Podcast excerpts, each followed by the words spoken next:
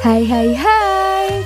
Halo Sobat Wisma, kembali lagi di podcast Wisma Wisata Alam Indonesia. Let's go travel around Indonesia. Eits, tunggu dulu. Di episode kali ini aku mau bahas mengenai tempat rekreasi pembelajaran yang ada di sekolah vokasi nih Sobat Wisma. Vokasi kan banyak ya. Kira-kira aku mau bahas sekolah vokasi yang mana nih ya? Ada yang tahu nggak Sobat Wisma? Yaps, jawabannya disimpan dulu ya, karena aku belum nyambut kalian nih. Oh iya, selamat datang dan selamat mendengarkan di podcast ini. Kalian bisa mendengarkannya sambil melakukan berbagai aktivitas agar bisa lebih rileks, tenang, santuy, tapi tetap dapat ilmunya. Sobat Wisma, aku mau bahas mengenai sekolah vokasi nih. Aku mau tanya dulu deh, apa dari kalian semua di sini tahu apa itu vokasi? Dan apa keunggulannya? Serta apa saja sih fasilitas yang bisa digunakan dan dimanfaatkan di sekolah vokasi? Lalu, manfaat apa saja yang bisa kita dapatkan saat melakukan pembelajaran di sekolah vokasi? Oke, oke, oke. Aku akan bahas satu persatu.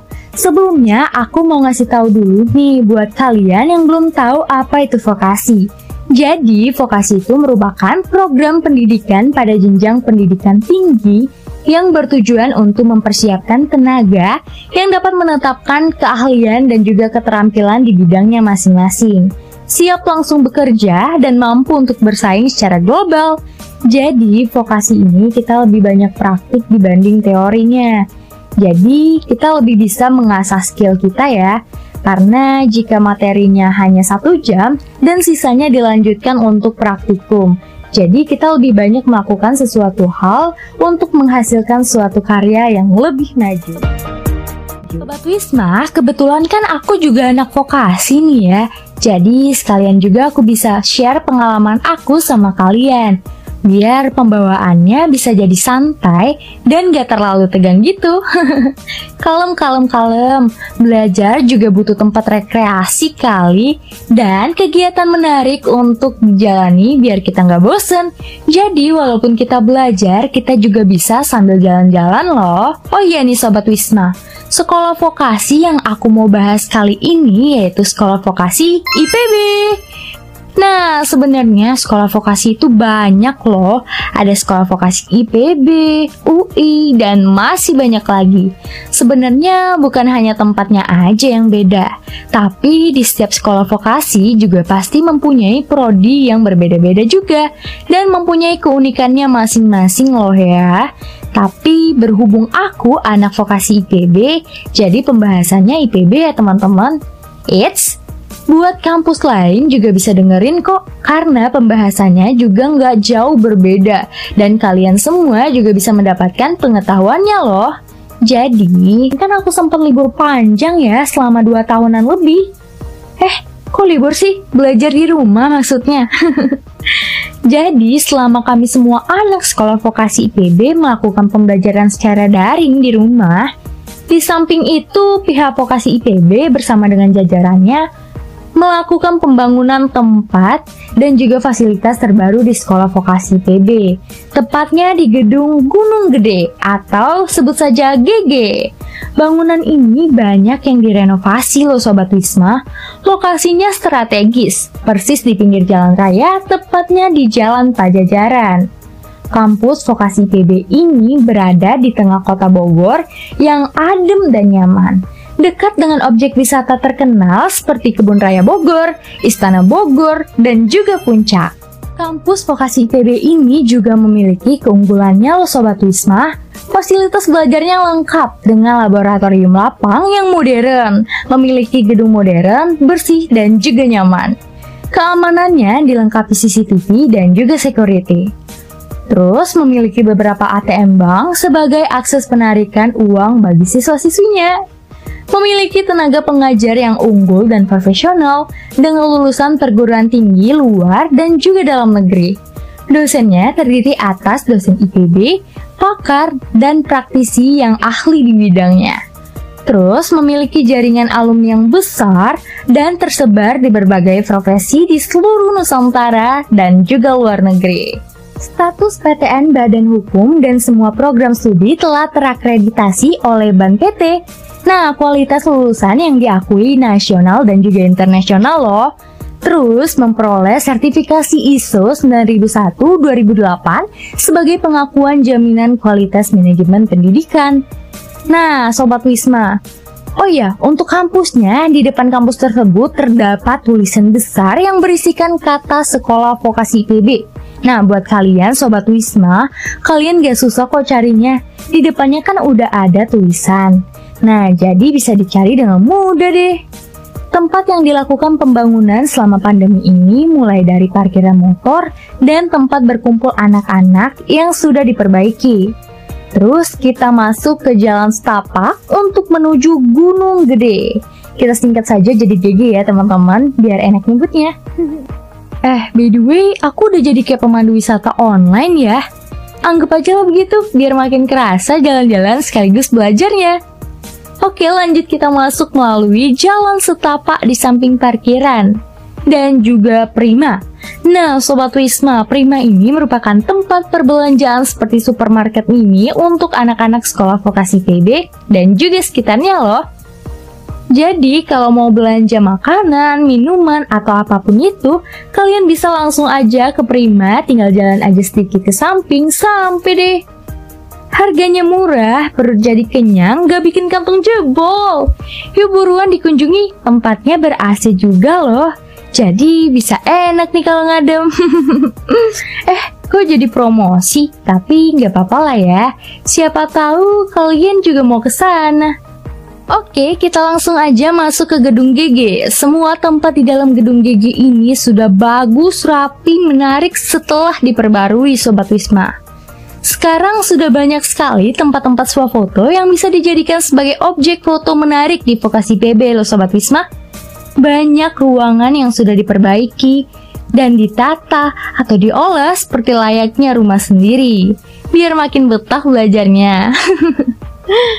ya, walaupun masih belum belajar secara offline sih, tapi gak apa-apa lah ya ngayal belajar offline dulu ya kan? Tapi, tapi, tapi, tapi, di semester setelah UTS ini, ada yang sebagai mahasiswa dan mahasiswi yang melakukan pembelajaran 50% online dan 50% lagi offline. Jadi gak semuanya offline ya. Nah, untuk melakukan pembelajaran secara offline sendiri, pihak vokasi IPB telah menyiapkan semuanya dengan syarat-syarat tertentu. Yang pertama, kita harus mendapatkan izin dari orang tua. Yang kedua, sudah melakukan dan memperlihatkan kartu atau keterangan vaksin. Yang ketiga, bagi mahasiswa luar kota harus menjalani isolasi selama tujuh hari. Yang keempat, harus melakukan prokes ketat di mana pun kalian berada. Karena di sinilah yang paling penting agar mencegahnya terjadi virus COVID-19 untuk menyebar. Dan yang terakhir, kalian harus memiliki aplikasi peduli lindungi untuk menjadi syarat masuk kampus. Hmm, semoga ya tahun depan kasus covid ini udah nggak ada lagi. Udah capek nih di rumah terus, mau ke mana-mana juga susah. Aku kan jadi pengen ketemu, jalan bareng teman-teman, untuk bisa menikmati fasilitas baru yang ada di sekolah vokasi TB. Udah yuk move on, karena tahun depan udah offline beneran kok. Amin. Kembali lagi ke laptop. Gading pembahasan bukan laptop. Nah, Sobat Wisma, pembangunan di semua ruangan yang ada di sekolah vokasi, yaitu di gedung GG, sudah diperbarui dan terlihat cantik, rapi, nyaman, kayak rumah sendiri. Contohnya ruangan untuk praktikum anak komunikasi. Itu ada ruang radio, audio visual, home theater untuk tempat penayangan film dibuat layaknya seperti bioskop Sobat Wisma. Keren banget bukan?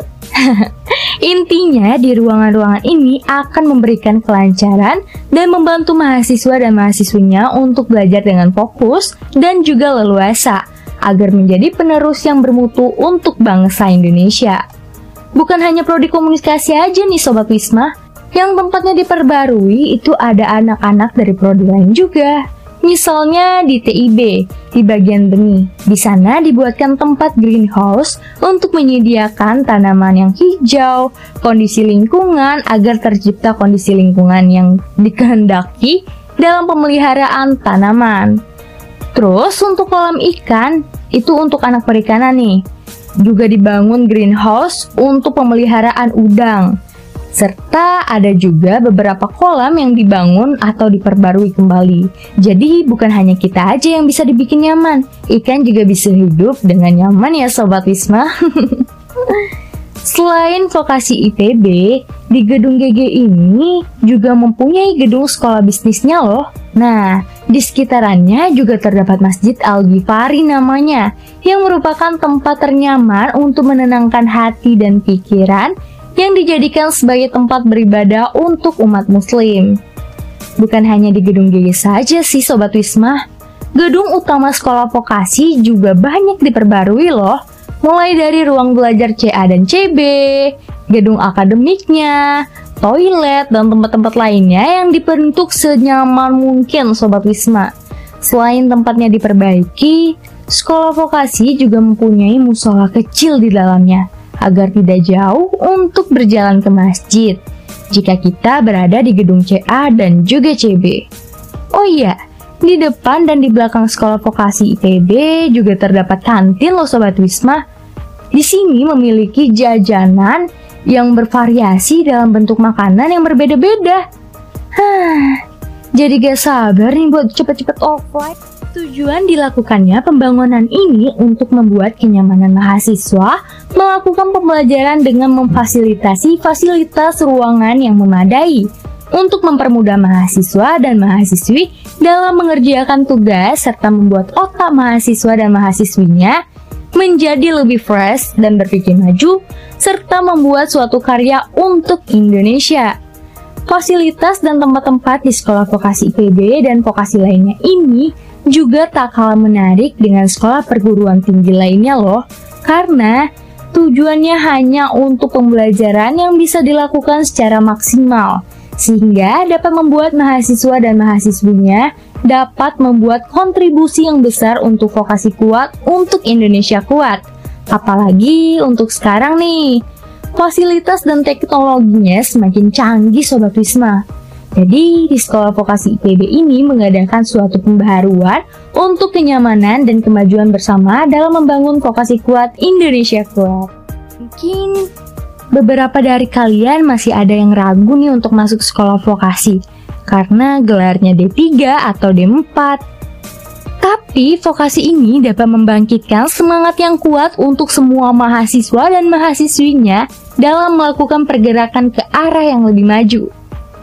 Di sini kita juga bisa belajar banyak hal dengan melakukan praktikumnya. Sehingga kita dapat melatih skill atau kemampuan kita agar bisa menjadi seseorang yang bisa langsung terjun dalam dunia kerja secara global. Jadi gitu Sobat Wisma, gimana nih? Apa kalian tertarik untuk masuk sekolah vokasi PB? Bukan hanya fasilitas dan tempatnya aja loh yang menarik, tapi pengajarnya juga mempunyai keahlian di bidang-bidangnya tertentu. Jadi nggak perlu khawatir lagi dengan ilmu yang akan kalian dapatkan di dalam sekolah vokasi PB. Nah, Sobat Wisma, sepertinya sudah mulai paham kan ya mengenai dunia vokasi dan juga fasilitas serta manfaat yang didapat jika kita melakukan pembelajaran di sekolah vokasi.